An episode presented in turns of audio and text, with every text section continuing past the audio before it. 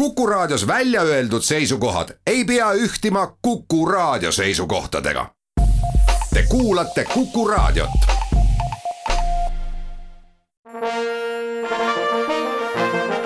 Vanemuise veerand. tere kõigile teile, head kuulajad. täna õhtul esietendub Vanemuise teatri väikeses majas John Priestley draama Inspektor tuleb. selle lavastaja ja ka muusikaline kujundaja on tänane saatekülaline Jaanus Rohumaa. Tere hommikust! mina olen saatejuht Tiiu Rööp. kuidas see nii on läinud, et see on esimene kord Vanemuises lavastada? see läkski nõnda, et äh, kui ma teatrikooli lõpetasin, ma hakkasin kohe Linnateatris siis Tallinnas lavastama ja seal ma siis seitseteist aastat lavastasin. ja sattusin tegelikult ainult äh, mõned korrad äh, väljaspool lavastama noh, suveetendusi mitte arvestades ja, ja kuidagi oligi niimoodi, et ei jõudnud sinna Vanemuisesse nende aastate jooksul, kuigi oli mitu korda juttu sellest ja seejärel läksin ma teatrist natukene kaugemale ja, ja, ja tegin muud tööd, nii et mm, ma olen nüüd väga rõõmus, et, et siin paar aastat tagasi, kui oli selge, et Eesti Vabariik sada hakkab tõesti ühele poole saama, et, et siis Tiit Palu, siinne draamajuht, siis võttis mu ette ja ütles, et nüüd on aeg. kas Jaan Tooming ja Vanemuise stuudio ei tekitanud omal ajal sellist tunnet, et päris kindlasti tahaks siin lavastada Vanemuises? Jaan Tooming on täiesti omaette nähtus Eesti teatris ja ka on olnud seda Vanemuise teatris, et Toomingu stuudio oli äh, mm, ikkagi midagi täiesti teistsugust, kui oli lavakunstiga teater. et kuigi õppejõud olid fantastilised, alates Ülo Vilimaast ja ja Hannes Kaljärvega lõpetades ja, ja seda, selle keskel muidugi Jaan Tooming enda asjadega. Ja pealegi nad ju lõid ikkagi selle Vanemuise kõrvale oma teatri, siis selle Tartu Lasteteatri, kus nad toimetama hakkasid, nii et aga hiljem mõningaid mõjutusi ma kindlasti sealt stuudiost olen saanud, ma olen nagu endiselt või väga pikka aega olin selliste ka müütide ja muinasjuttude mm, meelt ja, ja, ja tegin lausa ühe sellise tsükli nimega impro, kus siis oli ka sellised samad mängulisemad ja, ja muinasjutulisemad teemad kajastusid, et aga, aga jah, et, et enamus sellest teatriteest on ikkagi olnud pigem traditsiooniline draamalavastaja töö kui Tiit Palu tegi ettepaneku tulla Vanemuisesse lavastama, kas ta tegi ka ettepaneku näidendi osas? mm,? ei, noh, me arutasime mõningaid materjale, aga, aga ma, ta ütles, et paku välja mingid asjad, mis, mis sul nagu mõttes on ja ja üks, üks neist oligi see ja põhimõtteliselt see sobis kohe mõlemale. Ja seda mitmel põhjusel, et ühelt poolt Tartus on teatav Priistli traditsioon erinevalt teistest teatritest ja just paljuski tänu Jaan Toomingale. ja, ja teiselt poolt, et mulle tundus korraga see tekst ähm, väga ajakohane. sest mulle põhimõtteliselt sobib kahekümnenda sajandi dramaturgia, ma olen sellest aru saanud, ma klassikas ei tunne ennast nii-öelda väga hästi, väga sellises kauges klassikas, mida peab hakkama kuidagi eriliselt interpreteerima. Või siis teine võimalus ise koostada tekst, aga, aga Priistli puhul jah, mind võlus see, et, et mul on valmis näidend ja ja sealsed teemad, mm, tegevus toimub ju tegelikult äh, üle saja aasta tagasi esimese maailmasõja künnisel. ta kirjutatud on vahetult peale teist maailmasõda või selle lõpus ja, ja, ja näidend algab tegelikult äh, selle nii-öelda tõdemusega, et mitte kunagi ei ole nii hästi olnud, kui praegu on inimkonnal ja eriti nendel, sellel perekonnal, kus see tegevus nii-öelda pihta hakkab. ja ka meie naudime siin tegelikult mingis mõttes, jättes selle koroona nüüd küll kõrvale, aga aga erakordset majanduskasvu ja, ja tohutut innovatsiooni iseküsimus, et kas me inimestena oleme nii eh, sama palju arenenud kui, kui tehnoloogia ja, ja, ja majandus Priistli inspektor tuleb, seda lugu peetakse tema kõige kuulsamaks looks, kõige kuulsamaks näidendiks. mis selle loo juures on sellist, et ta maailma esietendus ei toimunud mitte Inglismaal, vaid hoopis Moskvas? siin on mitu põhjust, et äh, üks on see, et ta, siin on oma poliitiline dimensioon, et Priistlit peeti vasakpoolseks, mida ta ka mingil viisil oli, aga tegelikult oli ta peamiselt müstik. ja see, et et seal on võib-olla tajuda teatavat kriitikat noh, nii-öelda ühe mingi ühiskondliku formatsiooni osas, et siis see ei ole nagu määrav selle näidendi edus. sest see edu, ma usun, on ikkagi olnud selles süžees ja selles struktuuris ja ka selles, et tegemist on ikkagi nagu krimimüsteeriumiga. tuleb uurija, kes siis hakkab uurima ja selle uurimise käigus selgub selgub nii mõndagi. Teda pigem nagu, nagu kuidas öelda, peeti selliseks, peeti pigem katoliiklaseks et tal oli see nagu mõõde sealjuures ja teda peeti pigem religioosseks autoriks noh, ütleme gnostitsistlikuks siis ja müstikliseks autoriks, et kusjuures ta oli kõige muu juures veel hämmastavalt produktiivne. Priistli sageli oma teostesse kirjutab sisse mingi inimesest kõrgema jõu, kas selles näidendis on see ka sees olemas? jah, on ja üsna, üsna mõjusalt, sellepärast et äh, selle näidendi tegelased elavad arvamises või usus, et neil on äh, võimalik mingid osad ühiskonnast äh, kas ära peita või nähtamatuks teha või ka mõned teod, mida nad korda saadavad, et, et nendel ei ole tagajärgi. nüüd priistli moraal on tegelikult noh, selles nii, niivõrd, kui palju selles loos üldse moraali on,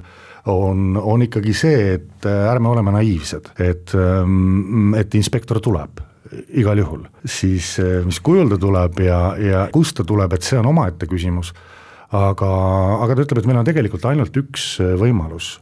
Meie noh, ainuke võimalus on olla, olla üksteise suhtes võimalikult inimlik, et siis on meil teatav lootus pääsemiseks. ja muidugi ta teeb sellele asjale ka veel mitu, mitu nii-öelda vinti keerab peale. Ja, ja veel kord, et see, ega ta on ka vaimukas omapärasel moel, et näidendit tuli muidugi päris kõvasti kärpida, sest ta on originaalis ikka päris pikk ja, ja see ajastu kõnepruuk ikkagi oli see, mis tuli korraks ümber vaadata, sest et ütleme, kui tänapäevased näidendid ikkagi on lause muutunud lühemaks ja kompaktsemaks, siis, siis Priistli on väga voogav ja seal tõesti vahepeal on sellised ideoloogilised lõigud, et, et ma ei ole iseenesest nagu teatri- või kirjandusteadlane, et, et mis hetkel ta lisas sinna selliseid, sellist nagu maailmavaatelist juttu või või sotsiaalpoliitilist dimensiooni, siis meie lugu liigub peamiselt ühe tüdruku ümber, kahekümne kahe aastane tüdruk, kes siis on viidud haiglasse ja kes on ähm, siis ähm, seal põhjustel, mistõttu inspektor siis külastabki seda perekonda küsimusega, kas keegi on olnud selle tüdrukuga seotud, sest tal on mõningaid kahtlusi ja mõningaid küsimusi, et, ähm, et see olukord, kuhu tüdruk sattus, võib olla selle perekonnaga seotud. me teeme nüüd jutuajamisse väikese pausi. Vanemuise veerand Kuku raadio stuudios on lavastaja Jaanus Rohumaa, saatejuht on Tiia Rööp. enne pausi andsid sa aimu, mis toimub lavastuses Inspektor tuleb ja ma ei tihka rohkem küsima hakata, siis jääb teatrielamus kasinamaks. kes mängivad? mängivad need, kellega ma olen väga tahtnud koos töötada ja, ja tõesti noh, Aivariga meil õnnestus nagu näitlejana koos töötada Linnateatris, kui ta peale Aarne Üksküla lahkumist tuli mängima Maurust sellesse Tõeõiguse teise osasse, aga noh, eks ma olen teda varemgi näinud ja tegelikult lapsepõlves, et ma siiski nagu noorus ja lapsepõlv möödusid Tartus ja ma käisin Vanemuises ja Aivar paistis juba siis silma, teine on Hannes, kellega mul on olnud õnn juba töötada, ta käis ühes etenduses Rakveres külalisena. Ja edasi Piret Laurimaa, eks ju, kellega me oleme põlvkonnakaaslased, ta on küll muidugi noorem, aga, aga, aga kelle tegemisi ma olen ka jälginud siis ähm, ka see noorte seltskond, kes selles on, on minu jaoks olnud äh, noh, väga positiivne kogemus, äh, Veiko Porkunen ja, ja Jaanus Tepomees ja ja, ja, ja Saara Nüganen, kellega ma viimati kohtusin teatrilaval siis, kui ta oli kümnene. Et ma lavastasin Estonias väikest korstnapühkijat, siis ta pääses läbi karmi konkurssi sinna ooperisse laulma, mängima ja, ja nüüd siis on tal vahepeal jäänud